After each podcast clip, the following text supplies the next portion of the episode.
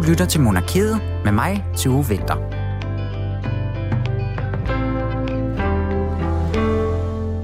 I et af Europas mest skandaleombruste monarkier, nemlig det spanske, der har ekskong Juan Carlos nu været i landflygtighed i over et år.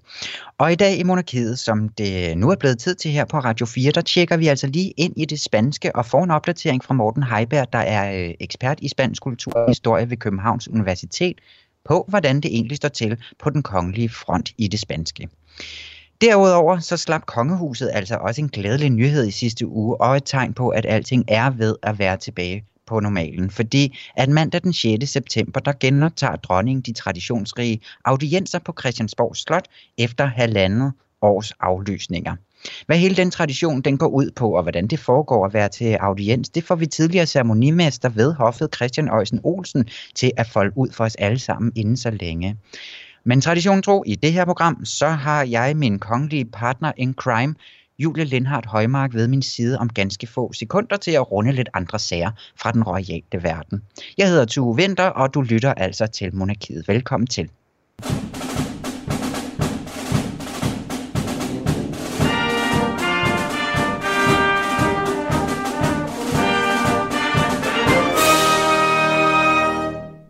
Nå, Julie Lindhardt Højmark, har det været en god royal uge? Ja, det synes jeg da helt bestemt, det har.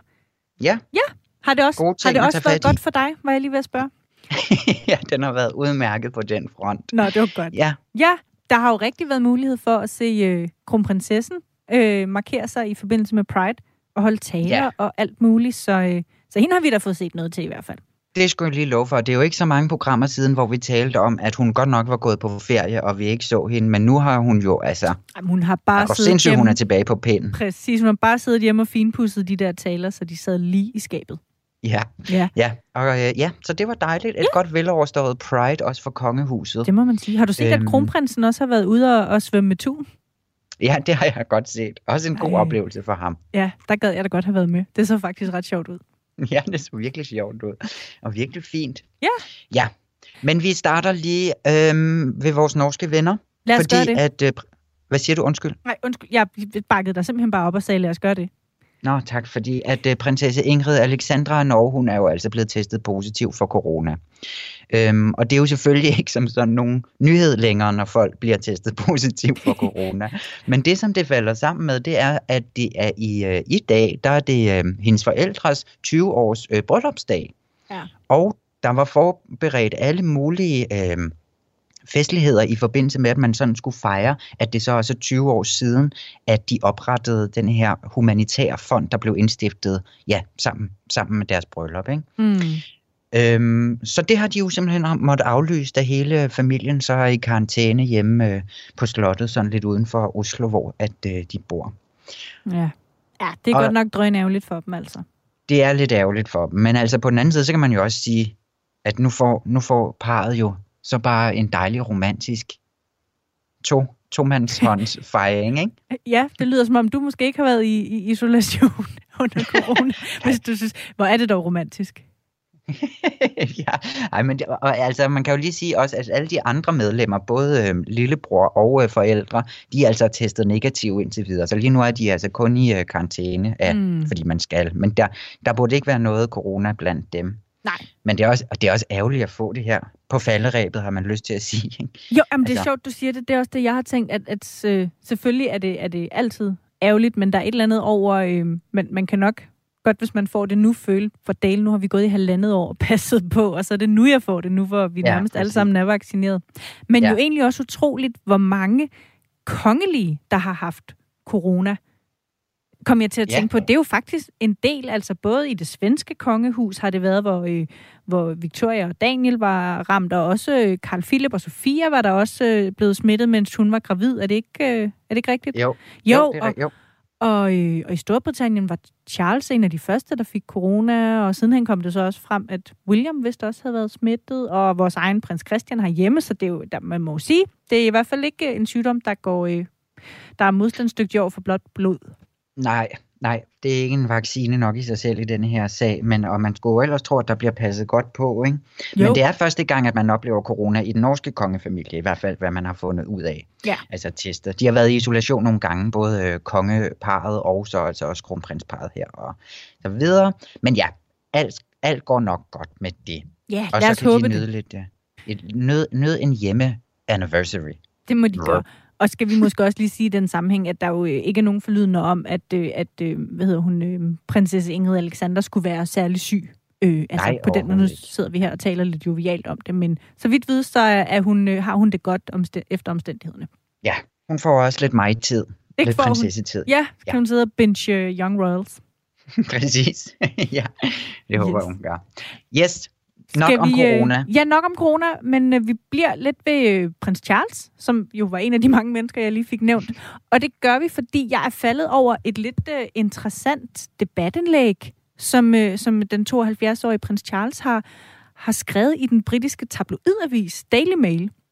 Det Ja. synes jeg i sig selv var lidt bemærkelsesværdigt, at han på den måde... Altså, det er ham, der står som, som afsender, og det synes jeg trods alt aldrig, vi har set herhjemme, at der på den måde er en kronik eller et debatindlæg i en, i en medie. Altså, forestil dig, at kronprinsen havde et debatindlæg i Ekstrabladet eller sådan et Ja. eller andet. Det, det synes jeg lyder sådan helt vildt i sig selv, fordi det er jo ikke som sådan, fordi han mangler en platform til at komme til ord. Så det synes jeg bare Nej, var lidt man specielt. tro. Men man må så sige, altså det er et, øh, et budskab, han har været ude med mange gange i, øh, i årenes løb, nemlig at, at han kommer med, hvad der vel bedst kan betegnes som et klimaopråb, som, og hele den her, øh, hvad skal man sige, det at gå ind i klimakampen er noget, Charles har, har været en del af i mange år. Øh, så det er sådan set ikke så nyt, men nu sidder Og jeg... jo også, altså også før at det ligesom blev op i tiden at gå op i klimaet. Eller Ja, man kan sige. lige Han har præcis. gjort det sådan gennem hele hans liv-agtigt. Netop, der har han virkelig været lidt af en first mover, og, og ja, det er ikke engang et år siden, han var ude og efterlyse sådan en decideret Marshall-plan for ki- klimaet. Og lidt igen i den her omgang er han, er han ude med et ret, sådan, synes jeg, fedt budskab om, at nu må verdens erhvervsledere simpelthen se at komme ind i kampen for klimaet. Han skriver sådan i korte træk, at, at han mener, at, at den private sektor sådan set spiller en helt afgørende rolle i klimakampen, fordi de simpelthen har så sindssygt mange penge, og der ligger et kæmpe investeringspotentiale der, som virkelig er det, der kan sætte turbo på den grønne omstilling. Så det er bare med at få lavet nogle partnerskaber med nogle regeringer og nogle NGO'er og hvad som helst rundt omkring, for vi har simpelthen ikke øh, tid til at vente mere, siger Nej. han. Og der bruger han så både det afsæt, at der for nylig kom den her FN-rapport, som, øh, som kom ud forrige uge, som beskriver, hvor slemt det står til, at det sådan set ikke har stået værre til, og man kan jo godt synes, det er lidt old news, men ikke desto mindre var det det, den, den igen kom frem til, at, øh, at det går altså for langsomt. Og, øh, Ja. og samtidig så bruger han også, tager egentlig meget udgangspunkt i sig selv, både de observationer og erfaringer, han har gjort sig i, årets, i årenes løb, og, og helt aktuelt også sin egen relation til, til Grækenland og alle de øh, brænde, der har været der hen over sommeren, og beskriver ligesom, at han har ikke længere tal på alle de her mange naturkatastrofer, han har oplevet, og vores planet, den befinder sig altså i en krise, hvor nu er vi nødt til at gøre noget. Og det er så det, ja. Han slår til lyd for, at, øh, at nu må, må erhvervslederne simpelthen til at komme, øh, komme på banen inden det her COP16, nej undskyld, det kan ikke passe, COP26-møde skal finde mm. Sted til november, og det bliver jo så faktisk i, øh, i Storbritannien, nærmere bestemt i Glasgow, det skal være i år. Men det er også, altså jeg synes jo også, at det er meget øh, bemærkelsesværdigt, at han jo kommer ud med en, en decideret sådan politisk plan, eller Ja. han langer ud efter erhvervsledere. Ikke? Han kommer jo ikke bare og siger, at vi må alle sammen gøre vores, eller altså de her sådan royale vendinger, man ja, kan lave. præcis. Ikke? Lige præcis, og, og Daily Mail har også altså i, i avisens egne spalter lavet en nyhedsartikel om det her indlæg, hvor de kalder det for den stærkeste indblanding fra hans side, der har været øh, til dato i den her klimakamp. Så, ja. Så det er helt sikkert også noget, de lægger mærke til i Storbritannien, at det altså ikke bare er, er, hvad skal man sige, en masse floskler eller løse ord om, at nu må vi stå sammen. Det er faktisk, som du også siger, helt konkret. Nu opfordrer han nogle bestemte mennesker til at gøre noget. Mm. fordi han mener, at de sidder på, på løsningen. Ja, og det er jo altså øh, gift for et kongehus på en måde, at lægge sig ud med forskellige grupper. Ja, og det altså, siger i hvert fald det noget kan jo om være så farligt. Jo, og jeg synes også, det er interessant igen, for hvis man skal drage en parallel til vores eget kongehus. Altså, en ting er, at der er sådan set kun øh, en 8-9 år imellem øh, Charles og dronning Margrethe, men det virker jo som om, han er et helt, helt andet sted på den her dagsorden, end hvad. Ja. vi nogensinde har set øh, dronningen, øh, ja, har set fra hendes side. Og, og, og alene det, at han sådan på den måde ja, skriver et indlæg i en, i en tabloidavis. Det synes jeg også bare var... Og har så stærke politiske lidt. holdninger til det. Nej, men det, det er totalt noget helt andet, end vi vil se herhjemme. Ja, ja jamen det er vildt og, og jo godt. Godt, der er nogen, der tager sig af klimaet. Ja, jeg synes også, det er fedt. Ja, og især, og især den sådan lidt forstokkede... Eh, nej, nej, det er jo helt min egen ord, men du ved, altså den gamle pæne mand, ja. kan man sige. At jo, han men... faktisk går lidt på klingen, ikke? Og også forfriskende, at det ikke kun er den unge generation, der går op i klimakampen, men at vi her altså også har en, en mand, der har øh, appelleret til det her i så mange år, som en vis troværdighed kan sige, nu er vi altså nødt til at gøre noget, og som også, ja. altså, du ved, det bliver ikke bare sådan en tendens i tiden, at nu går Charles med på den, han har faktisk virkelig appelleret til, til klimahandling i, i årtier nu, så ja. det synes jeg også har en helt anden gennemslagskraft. Helt sikkert, og øh, ja, vildt. Ja. Det var en god historie, du havde fundet der. tak. Vil du have en ekstra lille sjov en her på falderæbet, jeg også er faldet ja, over? Ja, det vil jeg vildt gerne. Det er fordi, der er simpelthen nyt i Jobagenten 2. Åh, oh, jobnyt. jobnyt. Ja, altså for et års tid siden, så lavede jeg jo en, en, øh, en jobagent inde hos Kongehuset, sådan, så hvis der var en ledig stilling, så ville den lande direkte i min mailbox. Og øhm, det er så godt nok ikke et decideret job, der er lige nu. Men hvis man nu godt kunne tænke sig at komme i praktik i Kongehuset, altså inde ved hoffet, så, øh, så kan man simpelthen det i, øh, i 2022. Både i ja. forårssemesteret og efterårssemesteret, og man skal til at i gang med at skrive en ansøgning, så det er bare at komme afsted. Ja, og der står ikke engang så meget i det jobopslag om, øh, altså hvad du skal kunne. Altså, jeg Nej. tror bare, at... Øh... Jeg tror, hvis man har sådan et eller andet... Øh... Nej, det, præcis. Jeg tror virkelig, de er åbne over for enhver form for uddannelse. Bare man gerne vil lidt forskellige sådan noget... Jamen, hvad kalder man sådan noget? Forberedelses, planlægnings, koordineringsopgaver. Og ja, det er jo ligesom sådan på kontoret, ikke? Jo, lige præcis. Det er desværre ikke i, øh, i sminken eller lignende, man, man kommer i, i praktik. Det er derinde, hvor det hele styres. ja, vil du hellere i praktik i, i sminken? Ja, så kunne man sidde der og sludre med Daisy over en kir. Det vil jeg da elske. Ja, det kunne være hyggeligt. Ja, søg det job, og hvis du altså har været i praktik i kongehuset, ikke, så skriv lige til os på monarkiet-radio4.dk, så vil vi vildt gerne høre fra jer. Ja. Godt, vi fik den med os. Nu skal vi tale om øh, audiencer lige om lidt. Tak skal du have, Julie. Selv tak. De har en pude i ryggen.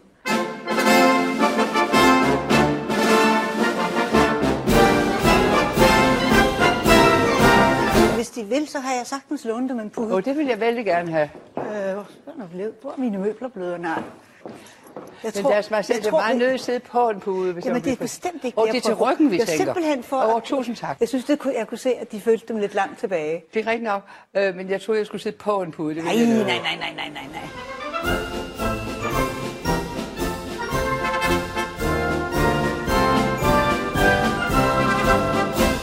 I starten af september, der genoptager dronningen sine traditionsrige audienser efter halvandet års aflysninger på grund af corona.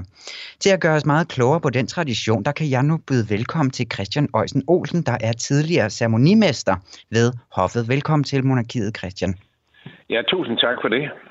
Ja, og tak fordi, at du vil gøre, øh, være med til at ligesom lære den her traditionsrige øh, ja, ja hvad, hvad kalder man det overhovedet? Sådan, øh, ja, en tradition, en, et visit hos dronningen? Ja, det er i virkeligheden en, en, en gammel tradition. Det var således også selv i enemænds tid, at man lod folk møde kongen og det var jo helt specielt, fordi i virkeligheden var det jo altid sådan, at der var mange andre til stede, når man havde sådan nogle møder. Men man, kongen ville gerne have, at borgerne kunne komme op til kongen og fortælle noget om, hvad de var utilfredse med, ikke særdeleshed utilfredse med. Ja, og hvad, det, hvad kunne det være? Ja, det kunne jo være for eksempel, hvis man øh, ikke havde et eller andet for høje skatter, eller hvis man et eller andet, som der generede en, ikke? Eller den gade, man boede i, den der blev pludselig husene revet ned og sådan nogle ting. Der var altså nogle ting, man kunne gå op og så sige til kongen, fordi det var den sidste vej, altså inden når man, at det skete. Og mm. den tradition, den er jo så fortsat øh, på den måde, at øh, vi også i vores dag, der kan man altså møde monarken direkte på tomandshånd. Det er jo ganske unikt, at man kan det, men det kan man altså.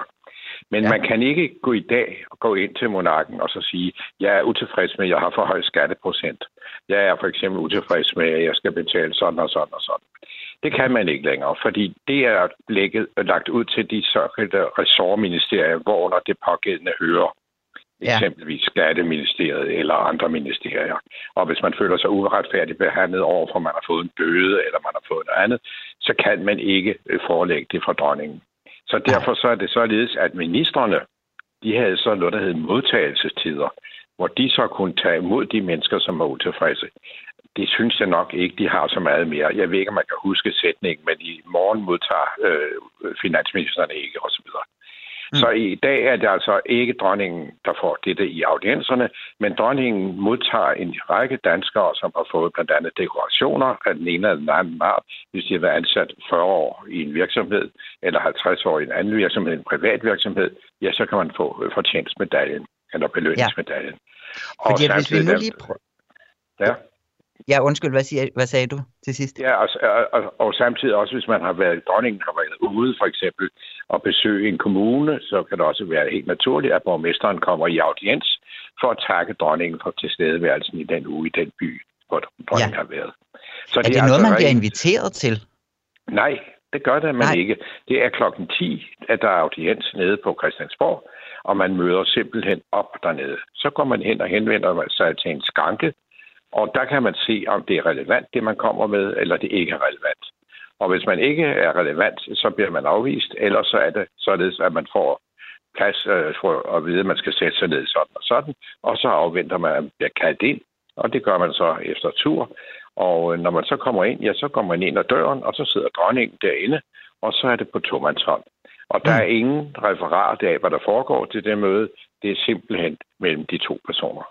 Og der er heller ikke nogen, øh, altså som ceremonimester for eksempel, er ikke med inde, eller nogen adjudanter Nej, eller noget? det ligger ikke i ceremonimesterens område. Det ligger i kabinetssekretærens område. Det er audienserne. Og okay. det er ham, som administrerer det der, og med dine embedsfolk i sit uh, kabinetssekretariat, som administrerer uh, selve audienserne, plus adjudantstaben. Det vil sige, at der er en række adjudanter, som også er til stede, som hjælper folk for at gøre folk, øh, skal vi sige, rolige, når de skal ind og og så hele taget er øh, til stede som værter. Ja, fordi hvordan er stemningen i, altså i sådan noget i, i venterummet? Ja, den, er, den er jo, øh, for det første er det jo alt sammen glædeligt. Det skal man ja. lige tænke på. Folk kommer jo ind, fordi de har fået en dekoration, eller de har været noget andet, så folk er glade. Men det er jo klart, at man kommer ind, så er man sådan en lille smule trykket og nervøs, inden man skal ind. Men så beroliger kabinetssekretæren lige uden for en dronningens dør, siger, ja, nu skal de bare tage det roligt, og så fortælle lidt om, hvad det er, det er, det er, det. Og så går man ind, og så er dronningen jo selv ekspert i at sørge for at uh, tale med folk, fordi uh, mm. dronningen, jeg ved, at dronningen lægger utrolig meget vægt på, at uh, audiensen er fra hele landet jo. Altså, når der kommer nogle nordjyder, så kan dronningen sige, at vi var ellers lige deroppe, og vi havde en dejlig tur og så videre. Og på mm. den måde, så starter man en rolig og stille samtale.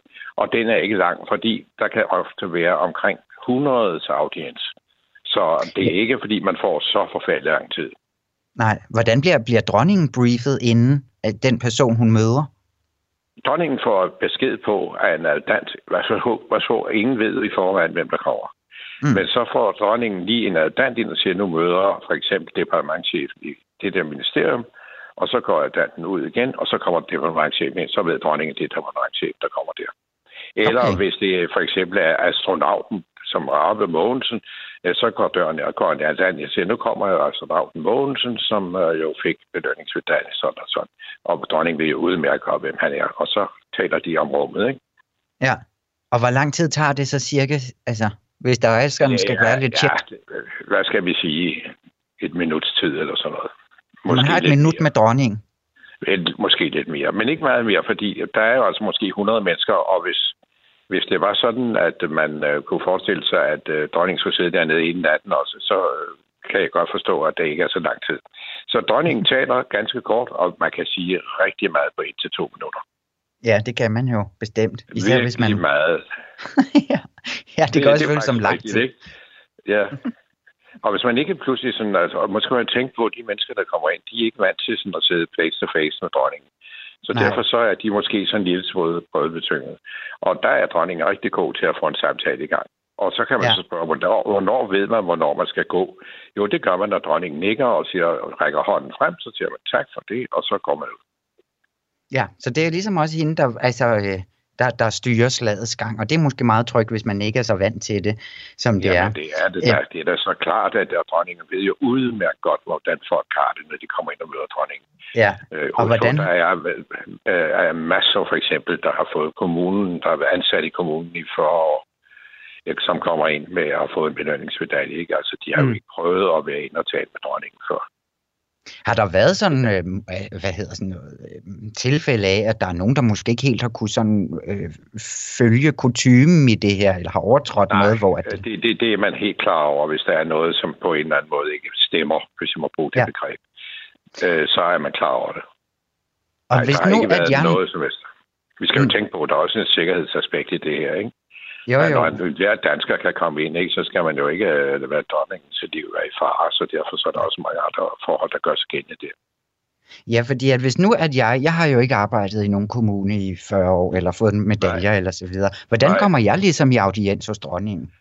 Det gør du sikkert heller ikke så, fordi du skal have et eller andet ærne med dronningen. Hvis du nu siger, at dronningen har været på besøg i den radio, hvor du er ansat i, og du har vist rundt med dronningen, og du har været altså, ansvaret for det, og så videre, så kan du gå ind, og så kan du takke, fordi dronningen var til stede i den radio. Ja, okay. Altså, så Det er møder jeg op det og takker. Ja, Ja. så møder du op på radioens vegne og siger tusind tak, fordi dronningen vil aflage besøg i vores radiostation. Øh, Alle medarbejderne var rigtig glade for det, og så fortæller du lidt om, hvordan der ledes i ophandlet det, ikke? og så er det det. Ja.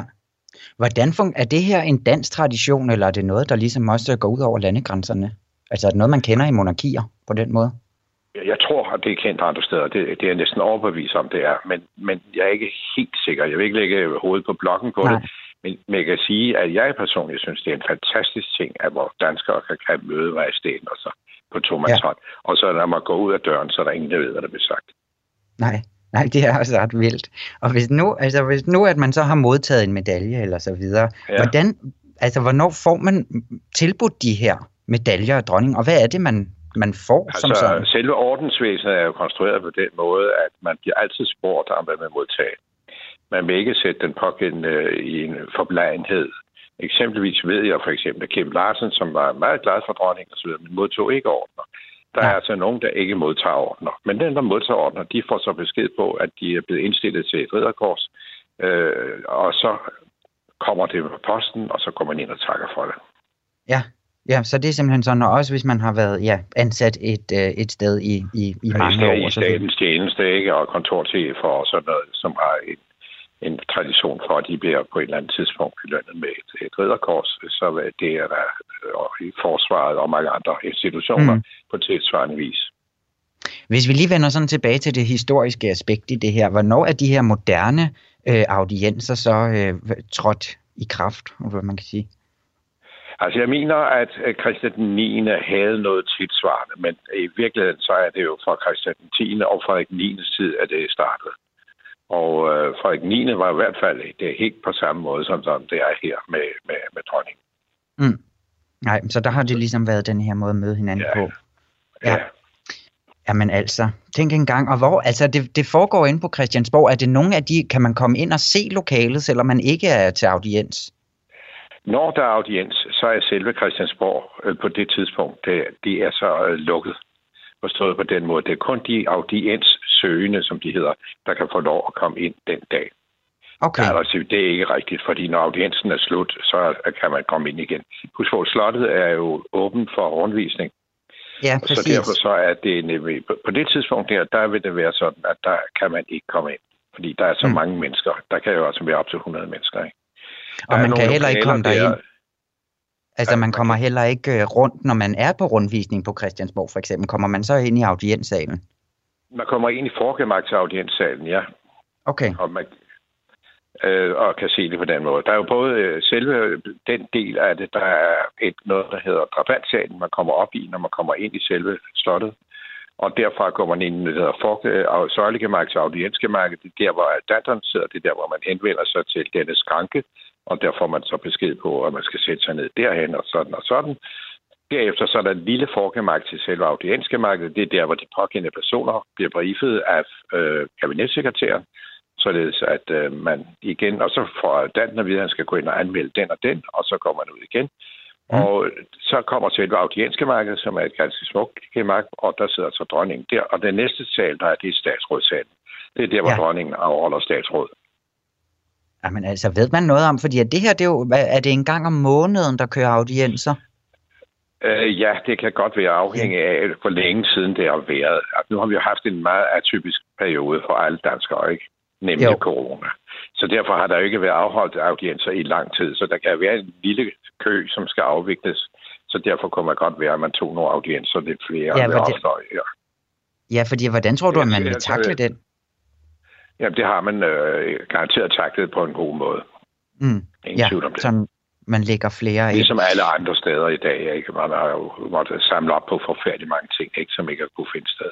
Ja, de må tage sådan en audiens maraton måske, hvor det bare Net, kører i flere dage. Nej, jeg, jeg, jeg tror ikke, man skal regne med det, fordi dronningen skal også være opmærksom. Dronningen skal hele tiden være oplagt, og det er altså meget svært, hvis der skal være 120 mennesker, man skal sidde og hele tiden koncentrere sig om.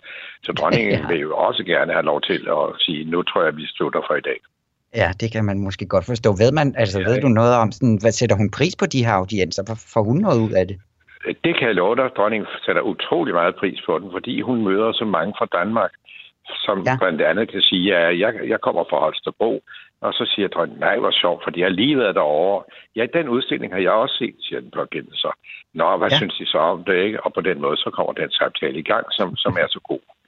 Ja, det lyder altså rigtig hyggeligt. Jeg håber, jeg en dag får lov til at komme i audiens. Ja, jeg må blive på min arbejdsplads. Ja, det, det må jeg gøre. Ja. ja. Men Christian Øjsen Olsen, øh, tusind tak, fordi at du altså lige vil tage os øh, med igennem den her øh, tradition, og fordi at du vil være med. Jamen selv tak, og god fornøjelse med resten af programmet. Tak. Papa, man siger, at den man elsker, tugter man. Vi tvivlede aldrig på din kærlighed. Til tider var den måske lidt overvældende, og føltes måske også lidt tilfældig. Som barn følte jeg mig tit lidt magtesløs overfor din stringente logik, din klare syntaks og dit galliske temperament. Hvis du lige har tændt din radio, så er det altså Monarkiet, du lytter til her på Radio 4. Og nu skal vi en tur sydpå, fordi at nu er det et år siden, at den tidligere konge af Spanien, Juan Carlos, han abdicerede. Det gjorde han i 2014. Øhm, han forlod sit hjemland for et år siden, efter det kom frem, at Spaniens øh, højeste ret havde taget hul på en korruptionssag imod ham. Det har i det hele taget været et lidt turbulent år i den spanske kongefamilie, og derfor så er jeg nu glad for at kunne byde velkommen til dig, Morten Heiberg, på en telefon. Velkommen til Monarkiet. Jo, tak. Yes, og du er jo ekspert i øh, spansk kultur og historie, så øh, du er den helt rigtige mand at snakke med på det her punkt. Hvis vi nu lige starter med at og hurtigt friske lidt op, hvad er det, den her korruptionsundersøgelse går ud på? Ja, det er en kompliceret sag, som øh, vokser dag for dag. Det drejer sig grundlæggende om, øh, hvorvidt øh, Juan Carlos, altså Spaniens tidligere konge, har taget imod øh, Øh, det der et beløb svarende til 65 millioner euro som en form for, nogen siger bestikkelse, nogen siger godtgørelse, i hvert fald modtaget penge øh, fra øh, arabiske kilder i forbindelse med, at en spansk virksomhed øh, for en del år tilbage vandt en, øh, kan man sige, en, øh, der vandt muligheden for at konstruere en ny øh, jernbane i øh, Saudi-Arabien, sådan en højhastighedstog. Og mm. de penge er sidenhen blevet overført til nogle hemmelige konto, som har forbindelse også til en af Juan Carlos' tidligere elskerinder, der har lagt sag an mod Juan Carlos for en række øh, ting. Og via de her sådan forskellige kanaler, ja, så er det kommet den spanske anklagemyndighed til, øh, til, eller de har fået nys om sagen, og så har man sådan undersøgt de penge, hvor stammer de fra, er de blevet, øh, er de blevet overført på en, en korrekt måde, øh, er de blevet, øh, eller er der tale om, kan man sige, skatteunddragelse osv. Og nogle af undersøgelserne udgår fra Schweiz, andre undersøgelser udgår fra øh, Spanien. Men det korte og lange er, at sagen har bragt den øh, tidligere spanske konge Juan Carlos i alvorlige problemer, fordi han på den ene side øh, altså, øh, beskyldes for at have taget imod en slags returkommission. Det er sådan noget, nogle af det, noget af det, som beskyldningerne går på. Øh, på den anden side beskyldes han også for, at de her penge ikke er blevet, øh, skal man sige, øh, blevet beskattet øh, at de er blevet øh, overført i altså et slags skattely, og at de blev overført via en række mellemmænd, blandt andet en tidligere elskerinde øh, med dansk opregnelse, øh, og den måde han kunne disponere over forskellige øh, beløb. Han har også i det forgangne år måtte betale en større millionbod til det spanske skattevæsen i forbindelse med en række andre sager. Blandt andet har han øh, øh altså fået stillet en række fly øh, som gratis til rådighed, og det er der heller ikke blevet betalt skat af. Og der har nogle af hans rige venner måtte øh, øh, komme til lommerne og betale for ham i den periode, øh, det stod på. Ja. Så det er nogle af de sager, der, øh, der er verserer. Det ser ikke godt ud for ham. Og det Nej, der er godt nok meget og øh, mange steder til fat. Ja, altså, og han har derudover har han også, altså han er sådan, kan man sige, okay øh, helbredet, men altså hans bentøj svigter ham, man kan ikke gå selv, men han nægter samtidig at sidde i, øh, i kørestol og bliver slæbt rundt på af to øh, hjælpere. Så der er sådan mm. lidt en, øh, og så er han jo i eksil i, øh, kan man sige, sådan selvvalgt eksil i, øh, på en, i sådan en luksusbolig på en ø øh, ved de, øh, ud for de arabiske emirater. Øh, så altså, han er i selvvalgt eksil, vil egentlig gerne det forlyder det tilbage til Spanien, tilbage til det kongepalads, han tidligere har beboet, men øh, forholdene tillader det ikke, og hans søn, øh, Spaniens nuværende konge, øh, Philip 6., øh, øh, er nok glad for sin far, men ønsker ham ikke i Spanien, fordi at farens, øh, alene farens tilstedeværelse er ret beset en trussel mod øh, det spanske kongehus. Sådan bedømmer han i hvert fald situationen. Ja. Hvordan bedømmer du den? Altså, tror du, han har ret i det? I, Det er jo svært at sige, men øh, altså, øh, Juan Carlos, kan man sige, er jo en mand, som har gjort øh, store tjenester for sit land og har været med til at sikre øh, demokratiets overlevelse i en svær periode, har været med til at, at også at forene landet. Øh, og indtil for ganske nylig var monarkiet i Spanien meget populært. Øh, men det begyndte så at skride i takt med finanskrisen i 2008, og så en række kongelige skandaler i de følgende år. Blandt andet havde man været på en uh, elefantjagt i Afrika, Botswana tror jeg det var, sammen med uh, en, uh, blandt andet en elskerinde, uh, hvor som vi alle ved, er han jo gift uh, med uh, dronning Sofia, men han har jo sådan, det er jo kendt, og det er dokumenteret i mange bøger, har jo haft et, uh, et, øh, skal man sige, et forhold til mange øh, kvinder i sit liv. Ja. Øh, og øh, alle de her ting har været med sådan til, det var ikke noget et problem før, han, han levede i sådan, øh, i sådan forhold, men i takt med finanskrisen, så blev hans øssels, øsselhed og hans, kan man sige, forhold til kvinder lige pludselig gjort til et problem i den bredere spanske offentlighed. Ja. Hvis vi lige vender tilbage til den her korruptionsundersøgelse, hvor langt er vi så i den her juridiske proces? Ja, vi er ikke særlig langt faktisk, fordi at, øh, at øh, for hver dag, der går, så, så kommer der helt tiden nye sådan, uh, forviklinger og forgreninger uh, på den her sag. Så vi kan ikke sige, at det på nogen måde er, er lukket, eller der er udsigt til, at den bliver lukket snart. Mm. Øhm, så, så der er ikke rigtig andre end dem, der sidder med de her sager, uh, som kan sige noget sikkert om, hvornår den bliver lukket. Men altså, det er jo klart, at uh, der er jo også en, et ønske fra kongens side om, at der på et eller andet tidspunkt kommer en, en form for afklaring, fordi han også ønsker på en eller anden måde at kunne komme hjem øh, til øh, Spanien på den ene eller den anden ja. måde. Ja. Øh, altså at være fanget i sådan et nok et, et, øh, et, et, et luksusfængsel, men, men på den længere bane, der er det nok en, en, en udholdelig situation for ham. Ja, det er stadig et fængsel på en måde, selvom det er pænt. Ja, øhm, hvor mange, men det er noget med, at han er sådan begyndt at betale nogle af de her penge tilbage.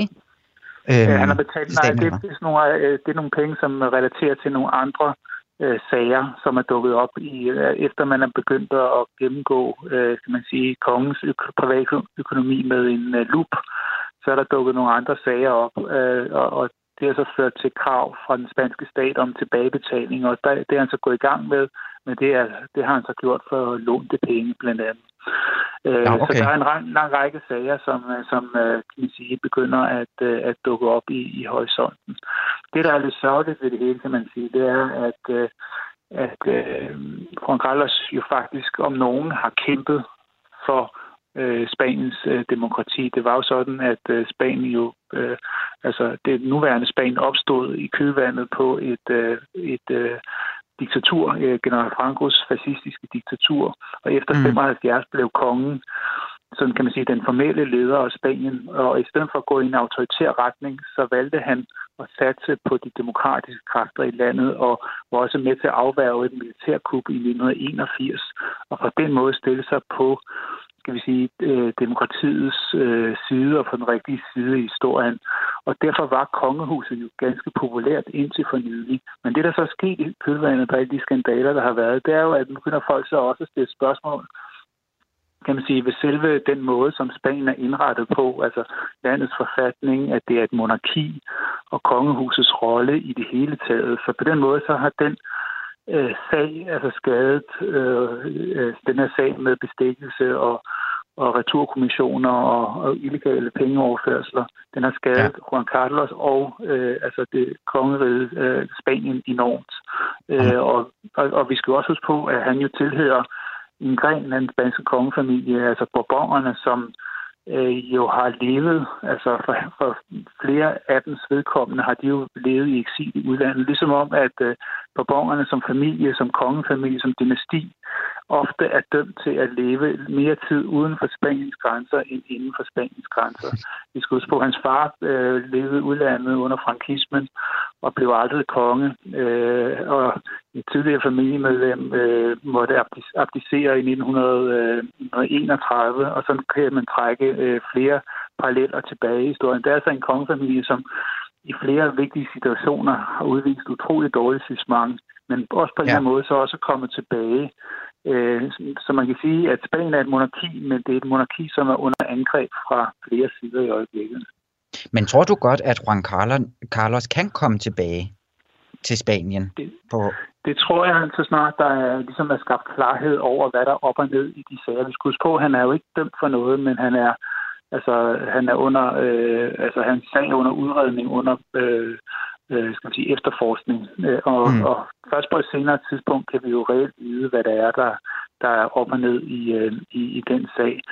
Så jeg vil, jeg vil tro, at han kommer tilbage på et tidspunkt, men hvornår det bliver, det er, det er svært at sige. Som det er i øjeblikket, så altså opholder han sig på den her øh, ø, og øh, der er forskellige, blandt andet spansk fjernsynskanal, der har fået billeder derfra, og man kan se øh, kongens øh, øh, boligkompleks i det fjerne, og, og kongen også selv, og der kommer sådan forskellige historier ud øh, om fra personer, der har besøgt kongen, mens han har, øh, har været i sit eksil, og vi ved også, at hans to, hans to døtre besøger ham også øh, jævnligt. Øh, øh, og i den forbindelse opstod der jo en, en anden skandale i det spanske kongehus omkring, at de havde fået adgang til øh, vacciner øh, før almindelige spanier under deres øh, ophold øh, hos øh, Juan Carlos.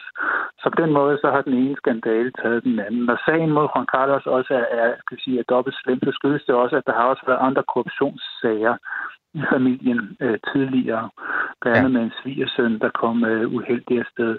Øh, og så nogle sager, kan man sige, er med til at svække øh, kongehusets øh, renommé i et, øh, i et land som Spanien, som også har været skal sige, perioder plaget af øh, politisk øh, korruption. Øh, så på den måde, så kan man sige, så, øh, så bidrager den historie om Juan Carlos til, øh, kan man sige, øh, et billede af et Spanien præget af korruption, som også er med til at fremme politikerleden i landet. Og det er også noget, ja. som, kan man sige, påvirker den generelle politiske udvikling på begge politiske fløje. Formår den nuværende kongefamilie at, øh, ja, hvad kan man sige, at prøve at lægge den her øh, øh, lidt dårlige ja, hvad, hvad kan man sige, tradition af korruption og alt det her bag sig ved. Altså, de prøver for eksempel utrolig meget at smide hende her, kronprinsesse Leonor, ud i, i vælten og sende hende på officielle opgaver og sådan noget. Formår de ligesom at skille, skille de to ting ad, altså øh, bedstefar og så ligesom den nye generation?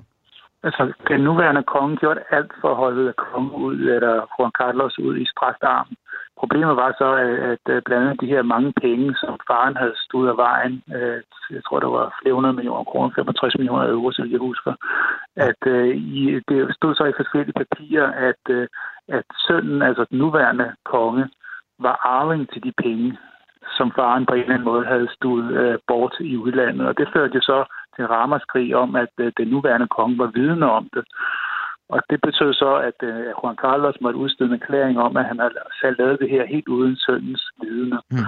Og hvor troværdigt det er, det er også noget af det, som er blevet diskuteret i den spanske øh, presse. Men altså, sønnen har øh, efter bedste evne forsøgt at holde faren ud i strakt arm og sige, at hans måde at lede spanske kongehus, det bygger på øh, strenge, strengt etiske principper og på en sund øh, økonomisk øh, husførelse. Øh, det er ja. ligesom det eneste, han har, og så som du siger, at også skubbe øh, den ene datter ud i, øh, i skal sige, offentligheden og ligesom tage noget af presset væk fra øh, de øh, dårlige historier.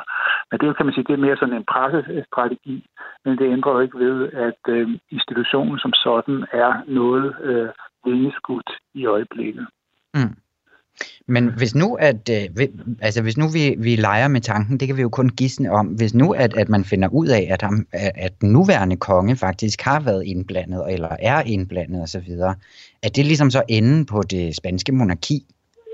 Ja, altså det, det vil jeg mene, at så langt kommer den ikke. Altså, så mm. der tror jeg, jeg skal passe på med at spekulere, fordi at der har man været meget hurtigt ude og ligesom og, og, og jeg vil sige, nærmest bygge en Berlinmur ned mellem øh, kongen, den nuværende konge og øh, Juan Carlos, simpelthen af, af netop den grund, du nævner. Øh, så jeg tror ikke også af hensyn til, kan man sige, stabiliteten i spanske samfund og så videre, øh, så vil jeg ikke tro, at sagen kommer på noget tidspunkt til at udvikle sig derhen. Skulle den gøre det, øh, hvad jeg ikke tror, altså, så er det jo klart, så, så vil det jo få, øh, kan man sige, øh, katastrofale følger for institutionen som helhed, og til også til øh, forøget krav om, at Spanien øh, ikke skal være et monarki, men en republik. Vi skal huske på, at Spanien jo i i to omgange tidligere har været en republik, så det, det, altså, det at have et republikansk styre i Spanien er ikke ukendt. Øh, og heller ikke i det 20. århundrede, hvor man havde republikansk øh, styre i en, øh, i en kortere periode. Så derfor øh, kan man sige, så er det stadigvæk også noget, der ligger i renbringen, at øh, Spanien har været en, en republik, eller har været noget andet end et monarki. Øh, så, altså, men før vi kommer derud, øh, der skal der ske rigtig meget, vil jeg mene, også fordi, at der er relativt bred politisk konsensus om, at den politiske model, altså ligesom kan sige, den, øh, den, det statssystem, man har i Spanien, at det er det rigtige, og det, som ligesom kan samle Spanien øh, på tværs af øh, ideologiske øh, forskelle. At ja. der er så kræfter på venstrefløjen og også øh, regionalt, som er imod, altså i opposition til kongehuset. Det er så noget andet, men hvis man kigger sådan på, altså hvem i det spanske parlament er for kongehuset, og hvem er imod, så er der en overvældende, et overvældende flertal for kongehuset. Blandt andet det store socialistparti og det store borgerlige parti og en række andre øh, partier. Så på den måde er kongehuset ikke i umiddelbar fare, men altså, mm. der skal ikke måske, altså, det, det er ikke, man skal sige, der skal ikke komme mange sager af den type, som Juan Carlos har været kastet ud i, før at man står med et alvorligt også, kan man sige, sådan, øh, øh, ikke bare politisk problem øh, eller et øh, problem, der angår øh, kongehusets renommé, men altså et decideret forfatningsmæssigt problem. Ja, fordi at man kan måske også sige, at den lidt yngre generation kan ikke på samme måde huske Juan Carlos som denne her øh, landsfader, som den ældre kan, og det er jo ligesom dem, som Spanien skal bygge på. Kan, kan monarkiet også godt samle på tværs af de her generationer? Ja, det er jo så noget af det, som, øh, som den, øh, den nye konge har forsøgt, altså at lancere sig selv som en mere moderne, ung type. Og det er også derfor, han har kastet øh, den, øh, altså datteren Leonora ud i, øh, i, i sådan nogle øh, kan man sige, øh, presse, en, en presseoffensiv øh, her over den, øh, ja, den seneste tid. Men det er svært at afgøre, altså hvor. Øh, jeg tror, det, der skal til, hvis, øh, hvis, hvis øh, kongehuset skal blive stabilt igen, det er faktisk det, som vi lidt oplever i øjeblikket. Altså forstå på den måde, at ligesom at øh, Spaniens eller kongehusets derut var forbundet til den økonomiske krise i slutningen af nullerne, altså den store finanskrise, som ramte Spanien meget, meget hårdt. Ja. Så kunne man også godt forestille sig, at hvis der kommer et, som, der, øh, som det ser ud til i øjeblikket, så kommer et stort opsving i Spanien, økonomisk opsving, så kan det også være, at nogle af de her øh, kan vi sige, angreb på den måde, som den spanske stat er indrettet på, at de vil ophøre, og at der vil komme nogle mere sådan, positive historier. Fordi Spanien var jo indtil for 12-13 år siden jo et land, der var præget af, af sådan positiv selv, øh, selvforståelse, nogle positive historier om en ung nation, der var vokset ud af fascismens skygge og var blevet, kan man sige, øh, optaget den europæiske familie øh, og til fulde efterlevede de europæiske demokratiske værdier, var et velstående samfund osv. Og så blev man ramt af den her enorme økonomiske krise i slutningen af, af nullerne, hvilket så også kom til at gå ud over øh, kongehuset, indirekte i hvert fald. Og kan ja. man sige, kan man ligesom forvente den bølge og få skabt et land, som øh, der ligesom tidligere bygger øh, på en høj grad af optimisme og ønske om forandring øh, til det bedre osv., jamen så er der også muligheder i det, som jeg ser det, for øh, kongehuset, at øh, knytte kongehusets eksistens til den øh, nye fortælling, øh, og den, især den yngre del af øh, kongehuset. Ja, det bliver en sag, vi bliver ved med at følge her i monarkiet i hvert fald. Men uh, Morten Heiberg, tusind tak, fordi at, uh, at du vil uh, give os en lille analyse på situationen i Spanien lige nu. Tak, fordi du vil være med. Selv tak. Livac præsenterer så gælder det om at vise, hvor dygtige I kan blive.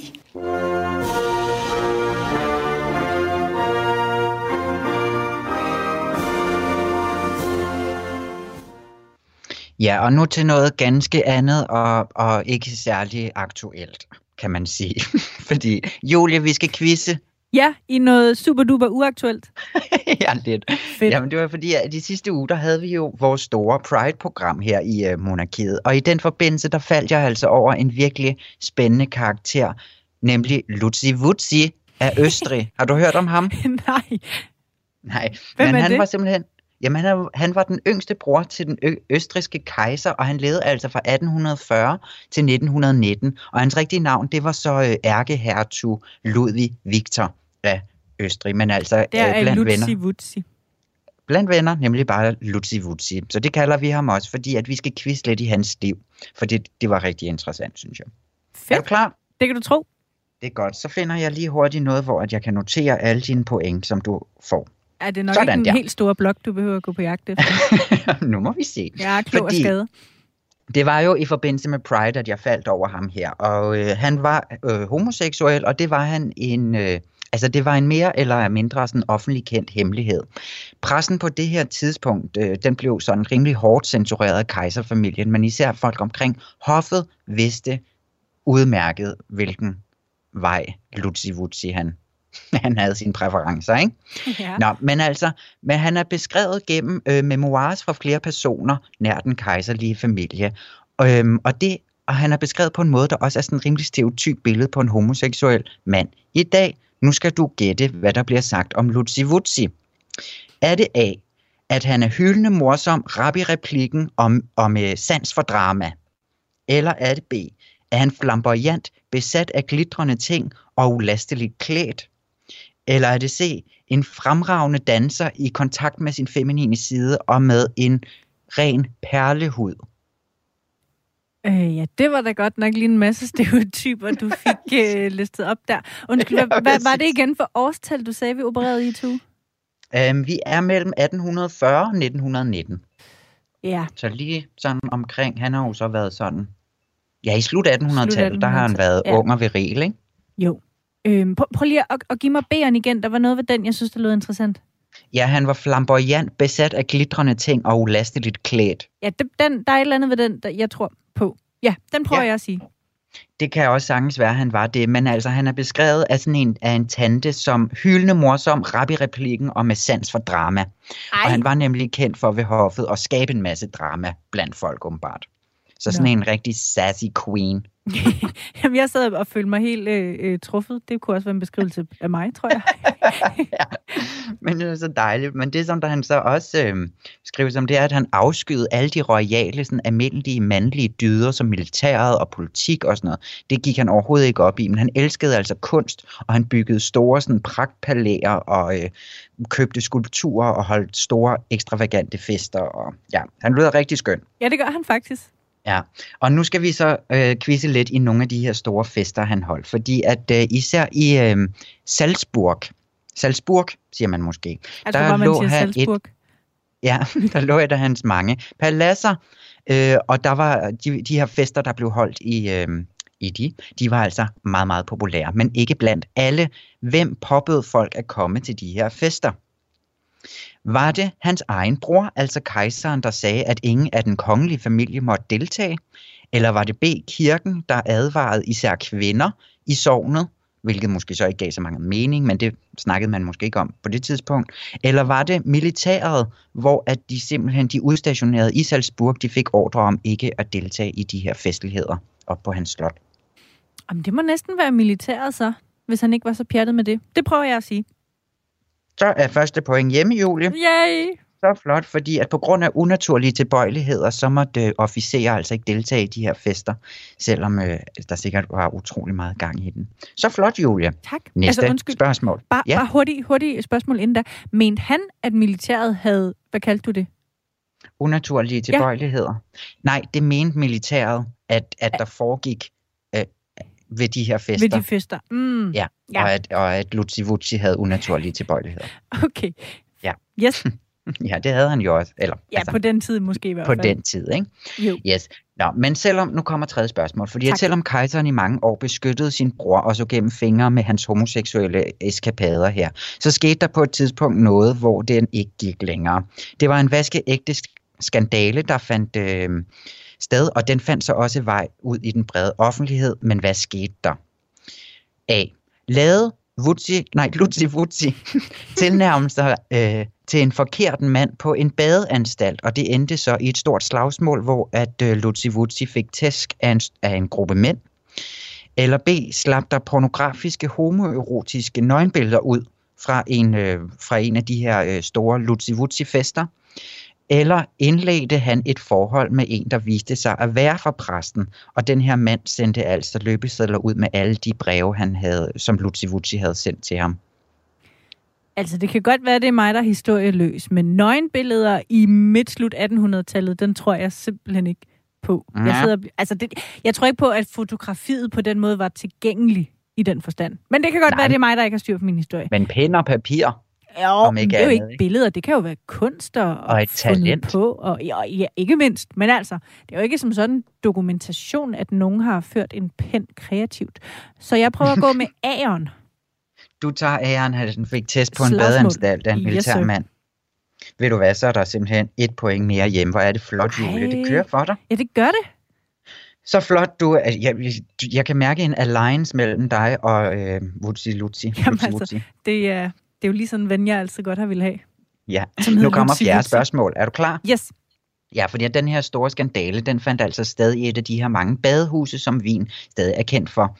Øhm, og lokalerne, de findes endnu, men hvad er der i Kaiserbruden, Brudel, som øh, badstuen altså hedder i dag? Huser den en af Wien, Wiens mest øh, hippe restauranter, eller fungerer den i dag som et, øh, altså sådan et udtalt sted for homoseksuelle mænd at mødes, en såkaldt gay sauna, eller er der, eller bøssesauna øh, hedder det jo også, men ja, eller C, er der et øh, museum om badeanstalten, hvor at hele den her historie om Lutzi Vutsi altså selvfølgelig også bliver foldet ud. Mm, museet prøver jeg. Du kører med museet. Ved du hvad, der er en gay sauna der. Åh, Er det ikke hyggeligt? Jo, og det var sådan, den jeg sad og, og var lidt lun på. Og så gik ja. Jeg alligevel med museet. Og det synes jeg bare er sådan en fin tribute til, øh, til ja, den Ja. ja. hadforbrydelse, der foregik mod Lutzi Vutsi i sin tid. Det er lidt deres øh, hos. Ja, lige præcis. Ja. ja. Dejligt. ja, der findes også andre steder i København, hvor man kan det, men ja, ikke, ja. det, så det har Okay, man givet videre. næste Godt. spørgsmål. næste og sidste spørgsmål. Fordi at oven på den her skandale, der måtte Lutzi Vutsi jo selvfølgelig mo- modtage en straf. Og hvad bestod den i? Var det A, blev han simpelthen tvunget til at indgå ægteskab med en fyrstedatter fra et lille bitte tysk fyrstedømme, hvor han så også blev sendt hen og levede til sin død. Eller B, blev han forment adgang i Wien og levede nærmest i noget husarrest øh, på sit slots, øh, Schloss Klesheim til sin død. Eller skulle han donere hele sin enorme kunstsamling til offentligheden for ligesom, ja, sådan bod på det, han havde gjort. Mm, undskyld, hvad var det, Aaron var igen? Det var, at han simpelthen blev tvunget til at gifte Ja. sig med en kvinde Ja, i et den- tysk fyrstedømme. Den tror jeg på. Han blev smidt fuldstændig ud af Wien, og han levede sådan i, øh, ja, eksil på en måde, ude i, øh, på sit slot. Sit slot. Ude. slush. Ej, hvor trist. Stakkels mand. Ja, meget trist. Og det endte også med, at han fik forskellige, at, altså, at blive erklæret sindssyg i nogle år inden sit liv, og øh, mm. ja, så døde han helt ensom ude i Ja. Nu, nu går vi da helt helt slukket herfra med den slutning. Ja, men gå ind og, og læs om Lutzi Wutzi. Han er virkelig øh, vidunderlig, og der findes fotografier af ham. Så man havde altså fotografier dengang, sige, okay. han ser ret vidunderlig ud. Hvordan staver du Lutzi Wutzi? Øh, L-U-Z-Y-V-U-Z-Y. Så er det bare en at google løs. Yes. Ja. Ja, men hvor var det flot. Øh, du øh, fik tre flotte point. Jamen altså, 3 ud af 5, Tillykke. det er da okay. Det er så flot, Julie. Og, øh, og, med de, og med den sejr i hus, så er vi færdige for i dag. Det har igen været en fornøjelse at lave Monarkiet i, øh, her på Radio 4, og vi er tilbage igen i næste uge. Og du må endelig huske, kære lytter, at skrive en, øh, en dejlig mail, hvis du har noget, du vil fortælle os, og det gør du altså til monarkiet radio4.dk. Tak for i dag.